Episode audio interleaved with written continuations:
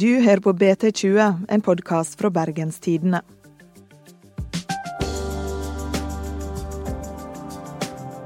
I dag skal vi rett og slett ha en regjeringsspesial. For i går klarte Høyre, Frp, Venstre og nykommeren KrF å bli enige om å styre landet i lag. Men hva betyr det egentlig for oss? Vi har med oss politisk redaktør Frøy Gudbrandsen og kommentator Jens Kiel, som er i Oslo akkurat nå, for å fortelle hvordan denne regjeringa vil sette sitt preg på landet vårt. Mitt navn er Ingvild Nave. Vi har jo fått ei splitter ny regjering, og derfor har Bergens Tidende sendt en delegasjon til Oslo for å følge med. Og det er jo dere to, Jens og Frøy, hallo. Hallo. Hei, hei. Går det bra i Oslo? Ja, her skinner sola. I går kveld så kom endelig den nye regjeringa. Hvordan var det? Det var veldig mye venting. Venta i time etter time etter time. Utrolig kjedelig. Fikk jo ikke gjort Altså, man sitter jo bare der. Eh, og etter hvert så begynner journalisten å du ser en annen journalist begynner å røre litt på seg, og så tenker du OK, den journalisten vet noe, og så begynner plutselig så begynner liksom alle å gå nærmere eh, lokalet. At pressekonferansen skal være bare for man tror at noe skjer, men det skjer jo ingenting. Og sånn holdt man liksom på i mange timer. Og da skjedde jo ting veldig fort. Veldig intenst. Hvordan var det å se deg da, når de endelig kom ut av forhandlingsrommet og skulle presentere da denne nye, fantastiske plattformen de hadde kommet fram til? Nei, de så hva skal vi si, litt sånn prega ut, syns jeg. Sånn alvorstunge. Jeg tror vi kan dra på med ordet gusten, egentlig.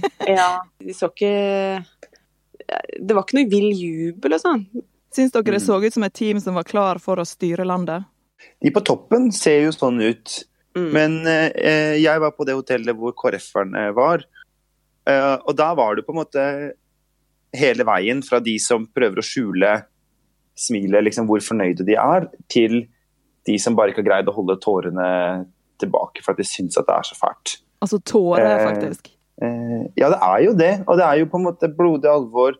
Eh, selvfølgelig er det jo en historisk dag alltid for Norge å få en ny regjeringsplattform, men dette er jo også en utrolig spesiell situasjon for Kristelig Folkeparti. Det å ta det steget til å gå inn i en regjering med Frp, det forandrer noe i politikken. Eh, hva var det dere var mest overraska over når de begynte å legge fram det de hadde kommet fram til? Jeg var ikke så veldig overraska over noe da de la det frem. Det mest, men det jeg var mest overraska over, det var jo nyheten om hvor eh, jevnt det var i KrF. Jeg hadde bare trodd at etter det landsmøtevedtaket at eh, selv om de var litt uenige kanskje i å gå inn i regjering, at flere kom til å stemme for det som var forhandla frem, da. Men det var jo helt på nippet at ikke det blei eh, ja. Var det sånn det cirka total kaos. Nesten halvparten sa jo vel nei til denne regjeringsplattformen. Mm, 17 mot 19. Så det kunne veldig fint ha gått den andre veien. Hva, hva, betyr det for KrF sin vei eh, videre, det at de har såpass stor splid blant sine egne? Det blir det jo vanskeligere. Og jeg, jeg tenker at uh, i regjering så betyr det at de er nødt til å få gjennomslag, vise at, det, at, dette var riktig å gjøre. Da. At de må få konkrete gjennomslag, ikke bare i plattformen, men liksom hver dag i regjering så må de vise at ja, se her, dette er faktisk verdt det. Så det er mye vanskeligere. Det er en skjør, skjør regjering, rett og slett. Hvem er det som har klart å få mest gjennomslag? Hvem er på en måte vinneren her? Jeg tenker at vinneren eh, i går på Gardermoen, det var Erna Solberg. Som har drømt om denne fireparti, flertalls, borgerlige regjeringen så lenge. Og vært villig til å bite i seg det ene og det andre og det tredje av eh, gruff fra Frp-ere, eh, venstreledere som går for forhandlingsbordet og alt mulig, og vist en helt sånn historisk tålmodighet. Og til slutt har faktisk fått til det, da. Men det er jo da en, en, eh, den minst entusiastiske regjeringstiltredelsen på år og dag. Der det finnes en vinner, så er det jo gjerne òg en, en, taper. Hvem er det som har fått minst igjen i disse forhandlingene? Jeg syns det er vanskelig å si sånn rent ut fra å lese dette dokumentet, da, eh, regjeringsplattformen. Og så fikk jo Frp og Venstre fikk gikk jo mye i fjor, da de forhandla fram regjeringsplattformen da. Så når jeg sammenligner eh, den plattformen fra i fjor med den i år, så syns jeg det er veldig tydelig at har vært med. Det er liksom KrF-ting overalt i den nye plattformen. Hva er typiske være... KrF-ting? Handler det om ordbruk, eller er det konkrete Ja, det er litt ordbruk, men det er også sånne små, eh, ja, små gjennomslag eh, flere steder, da. Ja. Uh, men det er så menneskeverd, menneskeverd ja, Det er jo et langt kirkekapittel, eller masse punkter om det. Det er masse punkter om altså denne likeverdsreformen som handler om hvordan folk som eh, kanskje ikke fungerer eh, så bra i arbeidslivet, kan få mer tilrettelagt arbeid og personlig assistent osv. osv. Eh, og det er sånne type saker som det er bare ofte ett parti som egentlig løfter i norsk politikk. KrF. Rent sånn konkret, og hvem er det som vant hva slags saker her? Frp har jo fått eh, noe på eh, skatter og avgifter. Eh, de har jo fått gjennomslag for et, at man skal få skattefradrag for eh, utgifter til bompenger. Eh, det er jeg spent på å høre mer om, for å si det sånn. Hvordan funker det? Aner ikke. Og jeg tror ikke noen andre vet det fullt og helt heller. Men det er jeg spent på. Eh, Venstre har fått mye på klima, og der kommer det nok til å være en debatt om hvor bra det er. Men eh, Venstre insisterer på at dette er mye bedre enn det de fikk til i fjor. Det er de fornøyd med. KrF har fått eh, vetorett i bioteknologispørsmål. Det tror jeg kanskje er noe av det viktigste. Hva betyr egentlig det i praksis?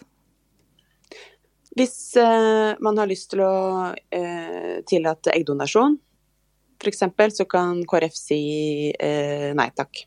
Det betyr vel i praksis de, altså Internt i KrF så kaller de det et moratorium. Altså at eh, bioteknologilovgivningen i Norge ligger fast ut fireårsperioden. Den kommer ikke til å bli endra. Og så er det jo klart at det som eh, KrF har fått til på barnetrygd og en del andre ting knytta til eh, barnefattigdom, det er jo dyre og store endringer. 7200 i året og barn under var det sju år, mm. eh, er rett og slett Det er mange kroner på budsjettene etter hvert, da. De sier jo ofte hvor de skal satse hen, men har de sagt noe om hvor de skal kutte for å finne de pengene, f.eks.? Nei, men de, de tar de budsjettkonferansene til høsten. Sånn at eh, det er da man kommer jo ikke med kuttlista i regjeringsplattformen, for det blir det ikke noe god stemning av. Så det, det, så det tar de til høsten. Og det, det, er de ganske åpne på at det blir, eh, det blir heftig. Abortsaken har jo virkelig vært den store verkebyllen for, eh, ja, for mange, egentlig. Der ble det jo et, eh, et, lite gjennomslag for KrF. Mm, det de har fått gjennomslag for, det er ikke så veldig mye. Men de prøver jo å få det til å høres veldig mye ut. Og så får jo, syns jeg, KrF god hjelp av partiene på venstresiden nå, som er veldig forbanna for det KrF har fått gjennomslag. For jo mer kritikk de får for denne endringen i abortloven, jo mer høres det jo ut som at de har fått gjennomslag for også i KrF, da. Men, eh, det er, men det er ikke en veldig stor endring. Bergensordfører eh, Marte Mjøs Persen har jo et veldig patosfylt eh, innlegg på Facebook, som også er delt hos, på BT sine nettsider hvor hun som Ap-politiker virkelig bruker storslegga mot eh, KrF her, da. Og det tenker jeg også sier noe om at eh, Arbeiderpartiet har gitt opp. At de tror ikke at de kan få KrF til å bytte side, i hvert fall ikke denne perioden. For Det er jo ikke overraskende at KrF ville kjempe for denne endringa. Men hvordan er det for Venstre, som har vært så tydelig på at de ikke ville endre denne loven, å være med på det? Det er litt delt i Venstre. Eh, en del syns dette er superproblematisk, og det var jo også en del som stemte mot regjeringsplattformen. Um, og som varsla det på forhånd, at de ville stemme imot hvis det kom en eneste justering på abortloven. Uh, men det er andre i Venstre som ikke syns dette med fosterreduksjon egentlig Altså de syns egentlig det er greit med denne endringen her, da. Og at terskelen skal være litt høyere. En har jo mm. fått litt inntrykk av at det er abortsaken som har vært mest konfliktfylt, men er det andre saker som er vel så vanskelige å håndtere? Innvandring. Hva er utfordringene der? Utfordringen kort fortalt er at uh, KrF uh, og Venstre vil uh, ha en mer liberal innvandringspolitikk, og Frp vil ha en strengende, strengere. Og det går det ikke an å forene i utgangspunktet. Så de har funnet på en del sånne kreative ting da, i dette kapittelet om innvandring. Frp har fått gjennomslag for at man ikke skal øke antall kvoteflyktninger. Altså KrF har fått gjennomslag for et amnesti for asylsøkere som ikke kan returneres tilbake til hjemlandet, som har bodd i Norge over 16 år. Eh, det er ikke en veldig stor gruppe, men det er en liberalisering for den gruppen. Og så skal man eh, revurdere regelverket når det gjelder eh, religiøs forfølgelse. Altså så vil KrF at det skal bli lettere for konvertitter å få bli i landet. Så det er liksom begge veier, da. Men for KrF, og mange i KrF, så var innvandring vanskelig, og en av grunnene til at en del stemte imot plattformen der. En del. en del. Ja. Jeg tror jo også at eller det mange KrF sier, da, er jo at, at de seierne, altså KrF-seierne som Freya har vært innom, de er veldig bra. Altså, de er veldig sånn, det, er ikke, det er ikke mangelen egentlig på gjennomslag, men at det er jo da det er tapene som er så store, på en måte, de andre stedene. Mm. Så det er, vel, det er jo rett og slett partier som står i en god del spørsmål skikkelig langt fra hverandre. Ja. Nå er jo dere på Østlandet, jeg holder på å si utlandet, men er det noen saker som er spesielle? Vi er på selveste Bondeheimen, faktisk. det den mest vestlandske plassen du kan være i Oslo, kanskje? Ja. Yes. Fordi Er det noen saker i denne plattformen her som er spesielt viktig for oss på Vestlandet? Det er klart Sakene som gjelder eh, omstilling og grønn vekst osv. kan være viktig for, eh, for næringslivet hvis man kan få lettere å få tak i penger for å starte nye virksomheter som vi skal leve av i fremtiden. Det kan være viktig. Og så uh, har jeg skjønt at det er en del endringer når det gjelder landbruk.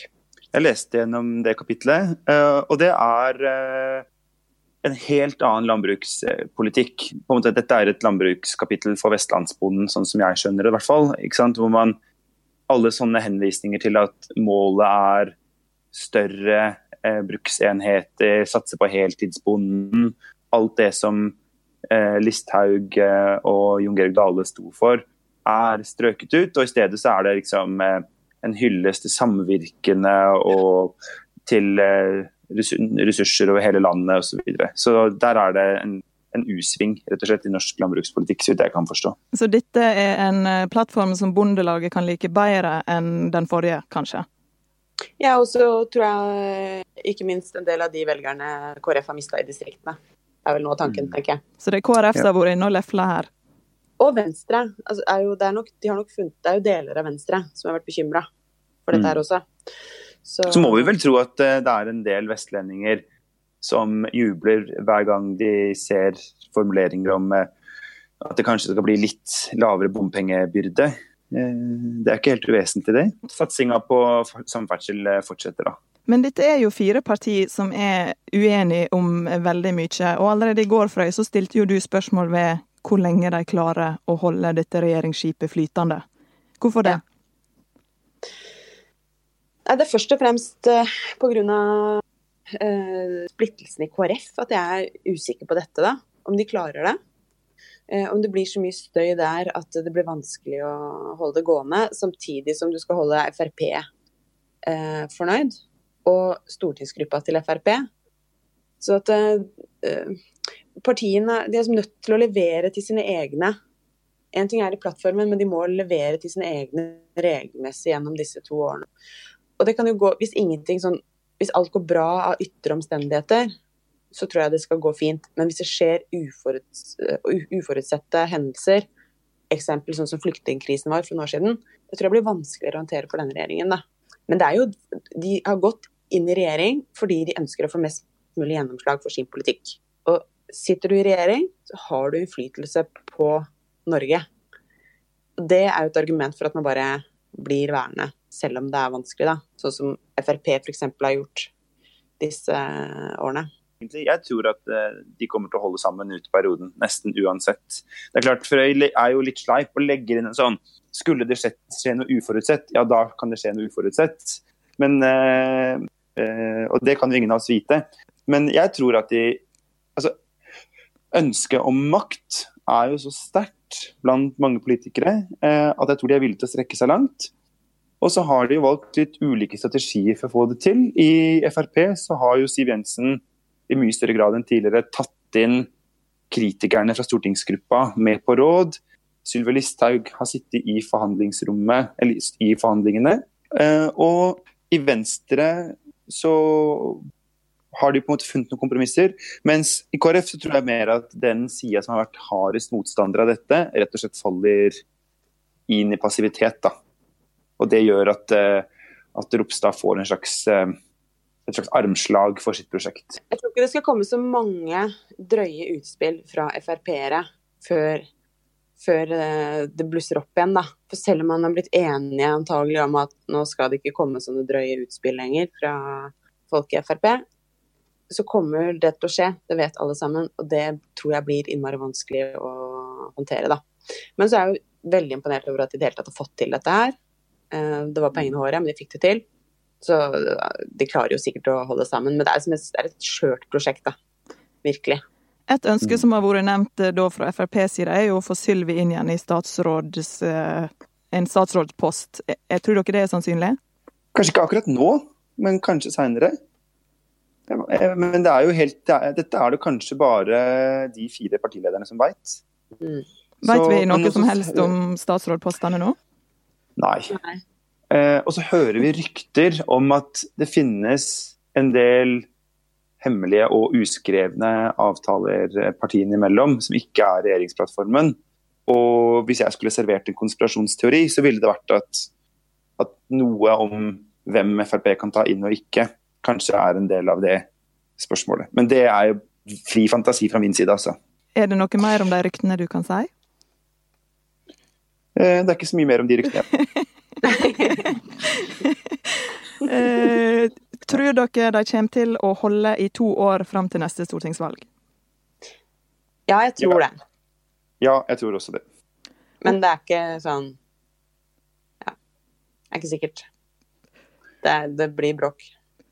Da får vi se. Vet dere noe om hva som kan bli den første store konfliktsaken nå eh, framover? Nei. Altså, jeg tror at eh, Eh, en av de vanskelige sidene her er at eh, innvandringspolitikken som Frøya snakka om, den kan man jo styre med ganske sånn hard hånd. Hvis man sier det skal være f.eks. 3000 kvoteflyktninger i Norge, så blir det 3000. Eh, mens på klima så eh, er det mye mer sånn at du kan vedta noen mål og noen virkemidler osv., men du klarer ikke å Du kan ikke bare politisk styre deg fram til resultatet med min vilje til å bruke veldig, veldig eh, harde virkemidler. Da. Og der tror jeg jo, Det er et av de områdene hvor jeg tror det kan bli bråk framover. Rett og slett fordi at det har jo ikke mangla på gode vedtak tidligere heller.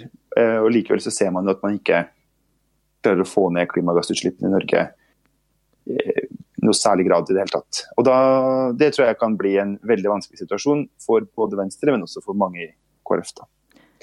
Jeg tror pengebruk kommer til å bli eh, et tema etter hvert. da til høsten. At dette har kosta så sinnssykt mye. Eh, Erna har jo egentlig kjøpt seg venner med å gi alle det de vil ha.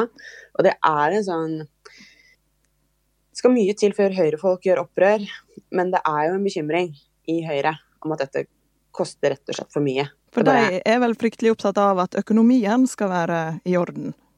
Det skal være, skal være i orden, og deres velgere liker ikke at liksom, staten bruker mer og mer penger. Men det jo Det er jo det som skjer. Og det, det, det er det en del høyrefolk som er bekymra for. Så jeg tipper at det kommer til å bli liksom noen harde tak da, i budsjettforhandlingene fremover. Da har vi egentlig fått en ganske sånn bra oppsummering av den nye regjeringa. Tusen takk eh, til Jens og Frøy. Hva dere skal til med nå, egentlig? Skal dere finne ut eh, om det er noen mer rykte om nye statsråder og sånt? Ja. Jeg skal pakke meg ut av Per Sivle-rommet på Bondeheimen på NRK Sogn og Fjordane for å snakke om eh, Tore Storhaug, som jo stemte mot eh, å gå inn i regjering med Frp på landsmøtet, men stemte nå for regjeringsplattformen. Som er jo litt action, da. Du da, Frøy? Ja, nei, jeg skal jo gå i gang med å skrive litt grann, uh, mer. Rett og slett sette meg bedre inn i den regjeringsplattformen, tenkte jeg skulle gjøre. Ha det godt, så snakkes vi i Bergen snart. BT kommer til å fortsette å dekke den nye regjeringa, så følg med på våre nettsider bt.no. Husk å abonnere på BT20 i din podkast-app. Produsent er Henrik Svanevik.